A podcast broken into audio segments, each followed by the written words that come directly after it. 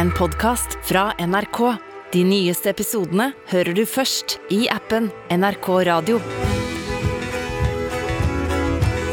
Noe av det mest norske som fins, i tillegg til brunost og lusekofte, er drømmen om at alle i Norge skal få en nøkkel i hånda og låse seg inn i en bolig de selv eier. Vi snakker jo ofte om et slags selveierdemokrati i Norge.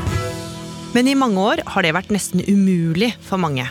Boligdrømmen er utenfor rekkevidde for en femdel av befolkningen. Jeg kjenner jo på det at det er liksom om å gjøre å komme seg ut så fort som mulig. Og nå frykter flere at det ekspertene har advart mot, kan skje. Det har vært en kraftig økning i låntakere som har mer enn fire ganger inntekten i lån.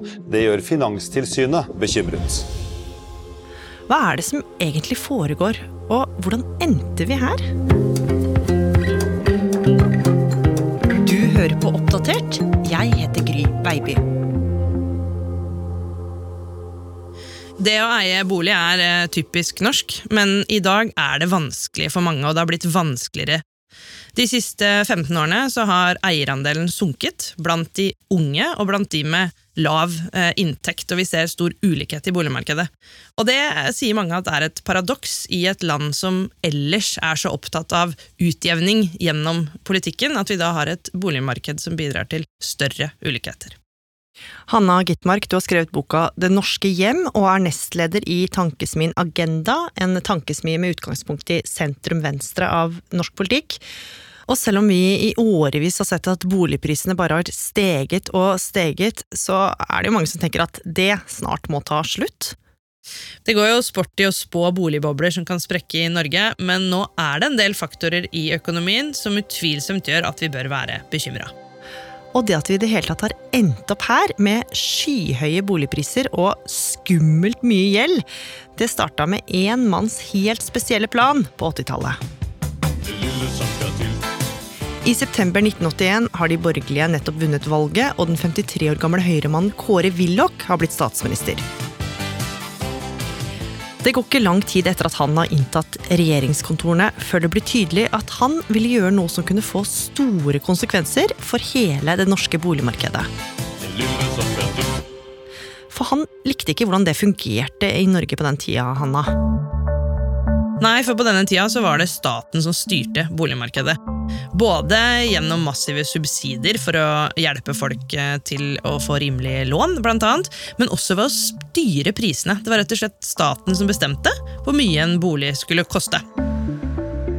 Problemet med dette systemet var at eh, det var jo folk som handla boliger, og når staten ikke eh, fulgte med, så gikk det mer penger under bordet. Rett og slett at Når man kjøpte og solgte boliger, så forholdt man seg ikke i alle tilfeller til den prisen som var satt. Så man fikk en svart økonomi, rett og slett. Og Dette likte ikke Kåre Willoch, og han ville rydde opp. Forestillingen om at man skulle kunne sitte i et departement og bestemme prisen på boliger, var helt urealistisk. Willoch ville ha mindre statlig innblanding, og hadde klokketro på at problemene i boligmarkedet kunne løses ved hjelp av at markedskreftene styrte. Ja, så Kåre Willoch gjorde to veldig viktige ting. Han opphevet for det første kredittmarkedsreguleringen. Det betyr at fra en situasjon hvor det var strengt regulert hvor mye penger man kunne låne, staten gikk sågar inn og pekte på hvilke type industri som fikk låne penger, så kunne man få låne så mye penger man ville. Og for det andre så opphevet han altså denne strenge prisreguleringen i boligmarkedet. Staten skulle ikke lenger bestemme hvor mye man kunne kjøpe og selge bolig for. Det skal bli lettere å få lån i bankene etter nyttår. Grunnen er at regjeringa nå opphever visse avgrensinger på utlån som ble innført i sommer. Og det ble starten på en helt ny virkelighet for det norske folk. For i stedet for at staten bestemte hva boligene skulle koste, måtte folk nå by for å få kjøpt drømmeleiligheten. Og nordmenn starta for første gang å delta i budrunder i kampen om drømmeboligen. Og det her revolusjonerte på mange måter det norske boligmarkedet, Hanna. Ja, Nå var det blitt enkelt å låne penger, og på denne tida så sto nærmest bankene i gaten og kasta penger etter folk. Og så var det også billig å låne penger, for på den tida så hadde vi en politisk styrt rente, og den var lav. Og så begynte jo også folk å tjene penger på boligmarkedet, fordi man nå kunne selge og kjøpe til de prisene man ville. Og folk hadde mye penger mellom hendene fordi de lånte dem. Så det gjorde at boligprisene steg veldig raskt. Og for en befolkning som aldri før hadde vært vant med å låne penger, så var jo det her et enormt skifte. Ja, og nå prega jappetida eh, Norge. Folk lånte masse penger. Bare mellom 1983 og 1985 så steg privatforbruket i Norge med 20% mens inntektene bare steg med 10 Og det betyr jo at stor del av denne forbruksveksten vi var vitne til på den tida, den var da lånefinansiert. Bankene låner ut mer penger enn noen gang. Nordmenn handler som aldri før, så det stråler av suksess.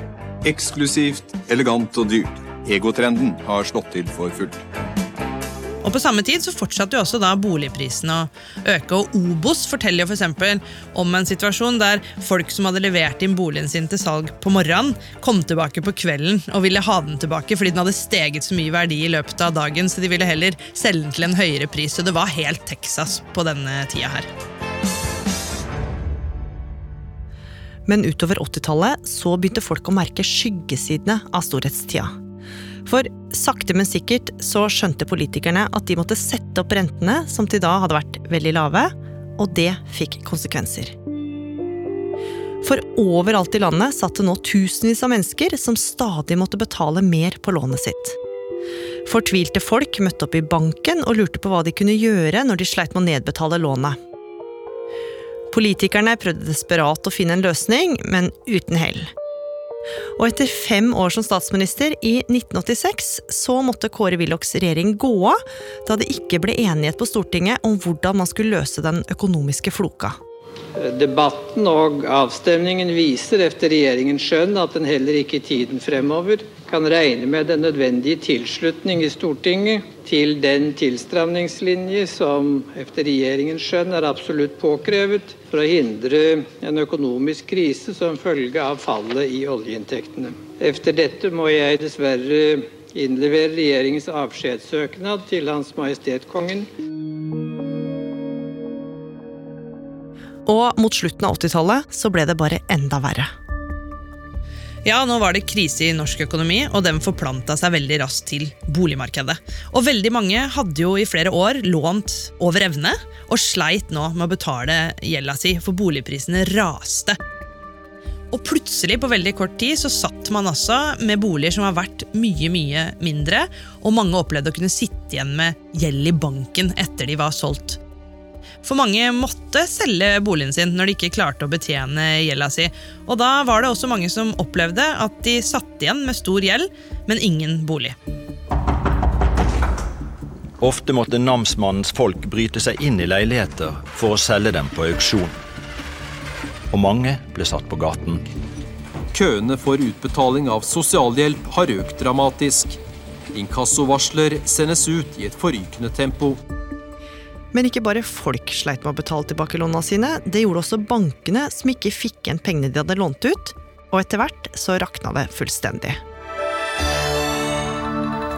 Børsras verden over. Verste kursfall Oslo Børs noen gang har opplevd. Aksje etter aksje falt i kurs. Gårsdagen var et mareritt for de som eier aksjer, men i dag ble det enda verre. Har det vært verre noen gang?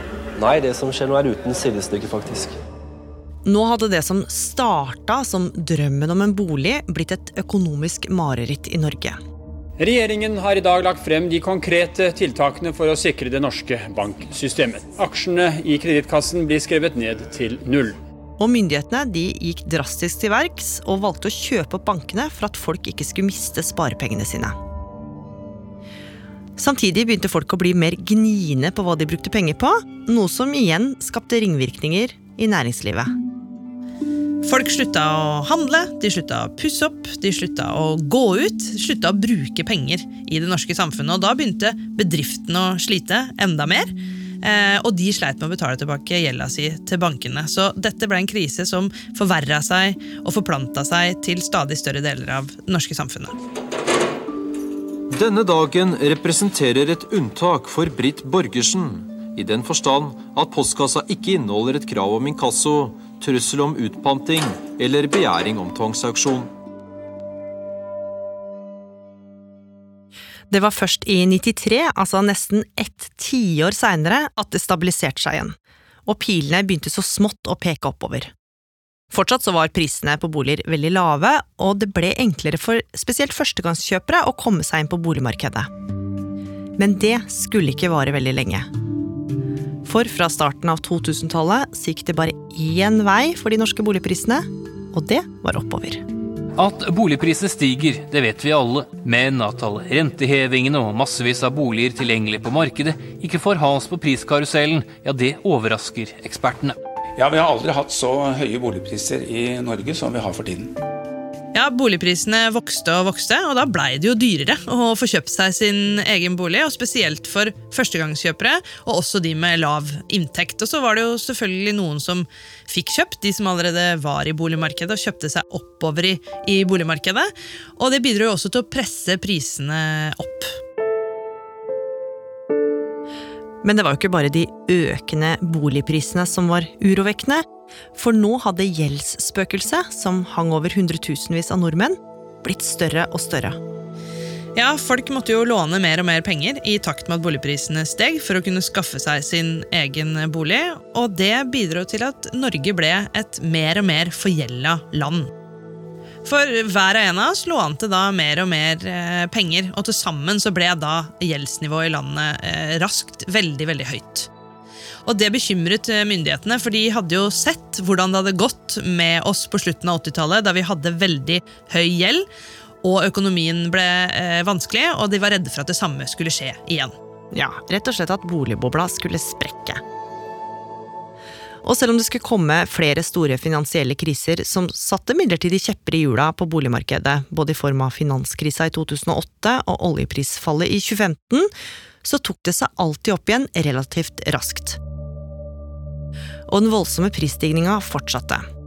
Ingenting kan jo vokse inn i evigheten, det må jo bremses. Så ser man eh, på gjeld i forhold til eh, inntekt, så har jo vi nordmenn veldig mye gjeld.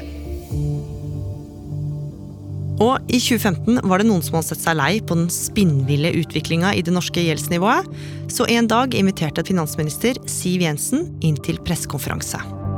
Vi må ha kontroll på en akselererende gjeldsutvikling. Fordi på et eller annet tidspunkt så vil prisveksten bli så høy at det ikke er mulig å få lån til bolig. Og Der la altså Siv Jensen fram en ny regel som skulle temme den norske gjeldsveksten. Og Blant annet så innebar denne boliglånsforskriften, som var navnet den nye regelen fikk, eh, begrensninger på hvor mange ganger inntekt man kunne låne. Det ble bestemt at man ikke fikk låne mer enn fem ganger inntekten. Og det som kanskje flest har merka, er at det også ble bestemt at du måtte ha 15% egenkapital for å kjøpe deg din egen bolig. Og I tillegg så måtte man også være sikker på at man tålte 5 prosentpoengs renteoppgang, altså stresstest av egen økonomi. Og med det så ble det vanskeligere for mange å kjøpe bolig. Og alt det her trodde jo myndighetene at ville roe ned markedet litt, men tvert imot, det slo fullstendig feil. Året etter så sto gamle rekorder for fall på en måte som ingen hadde sett for seg. Dagens boligpristall bekrefter at prisene nærmest løper løpsk, og aller mest i Oslo. Veksten i 2016 blir en av de kraftigste noensinne. Jeg ser i hvert fall tegn til at eh, prisene nå er eh, nesten ute av kontroll. Økonomer og eiendomsmeglere trodde jo nesten ikke det de så i 2016. Bolig ble solgt som hakka møkk, og nordmenn holdt ikke hjem på pengebruken. Og det vi så nå, var jo det vi hadde begynt å se de årene i forkant. At de med masse penger i Norge, de putter pengene sine i boligmarkedet. For der er det bra å investere. Der får man igjen mye for pengene sine. Og det bidro jo også til å presse prisene opp. Og 2016 hadde altså, foruten året etter finanskrisen i 2008, den høyeste boligprisveksten noensinne. I hovedstaden Oslo så steg boligprisene med 23% på ett eneste år. Og det betyr altså at Hvis du kjøpte en bolig for 3 millioner kroner på begynnelsen av året, så kunne man selge den eh, for 100 000 eh, mer bare kort tid etterpå. Og på mange måter så er det jo der vi har vært fram til nå. Boligprisene har fortsatt å stige, og også under pandemien så så man at det, det ikke la noen demper på utviklinga. Men nå, Hanna, så har det skjedd noe som gjør at ekspertene frykter at vi kan komme tilbake til situasjonen vi var i på slutten av 80-tallet. Ja, for nå er det jo mange som har veldig høy gjeld eh, fortsatt. Spesielt unge, nye låntakere ser vi at har kjempehøy gjeld. Det er myndighetene bekymra for. Og i tillegg så er det sånn i Norge at vi putter nesten alle pengene vi har i boligmarkedet. Eh, sagt enklere så putter vi altså alle eggene våre i én kurv. Så hvis det går dårlig i boligmarkedet, så får det så enorme konsekvenser for oss. Så ser vi at selv om norsk økonomi går godt, så stiger jo rentene. Prisene på matvarer stiger, prisene på energi stiger, og det gjør at veldig mange kommer til å få det mye tøffere økonomisk. Og da gjenstår det å se hvordan det vil påvirke boligmarkedet. Men hva med den norske drømmen, da? Altså det at folk skal eie sin egen bolig. Hvor står egentlig Norge med tanke på det i dag? I dag ser vi at for mange, spesielt unge og de med lav inntekt, er umulig å komme seg inn i boligmarkedet, i alle fall i deler av eh, landet, og vi ser store ulikheter i boligmarkedet. Så hvis vi ser tilbake til 80-tallet og det politikerne på den tida, med Kåre Willoch i spissen, trodde på, at markedet nå kunne rydde opp i alle problemene i boligmarkedet og løse eh, boligbehovet for folk, det kan vi vel si nå at ikke har fungert.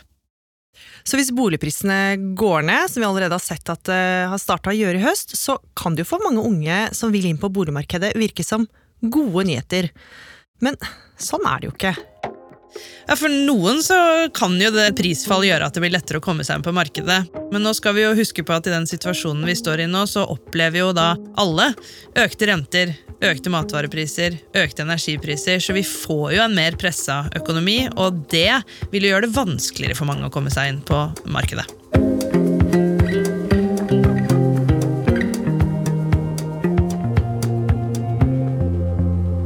Oppdatert er en podkast fra NRK Nyheter, og denne episoden den var laga av Hanna Kolås. Pål Gauslå Sivertsen.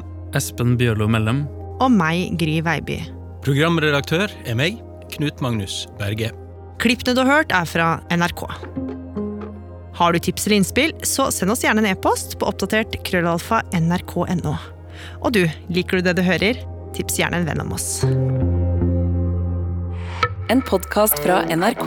Jeg tenker at Sosiale medier kan være Altså når det er kaldt, da. Du fryser i hjel. Det fins en internett, og det fins en internatt. Ok, Velkommen til Trygdekontoret. Det har lenge tenkt sånn at som ateist så må jeg bare prøve å bli med en sekt. altså. Jeg elsker å lage fest, f.eks. Så en god sekt forlenger livet? Ja, det gjør det. Altså, det der med at mennesker trenger sosial kontakt, det er bare piss. Trygdekontoret hører du først i appen NRK Radio.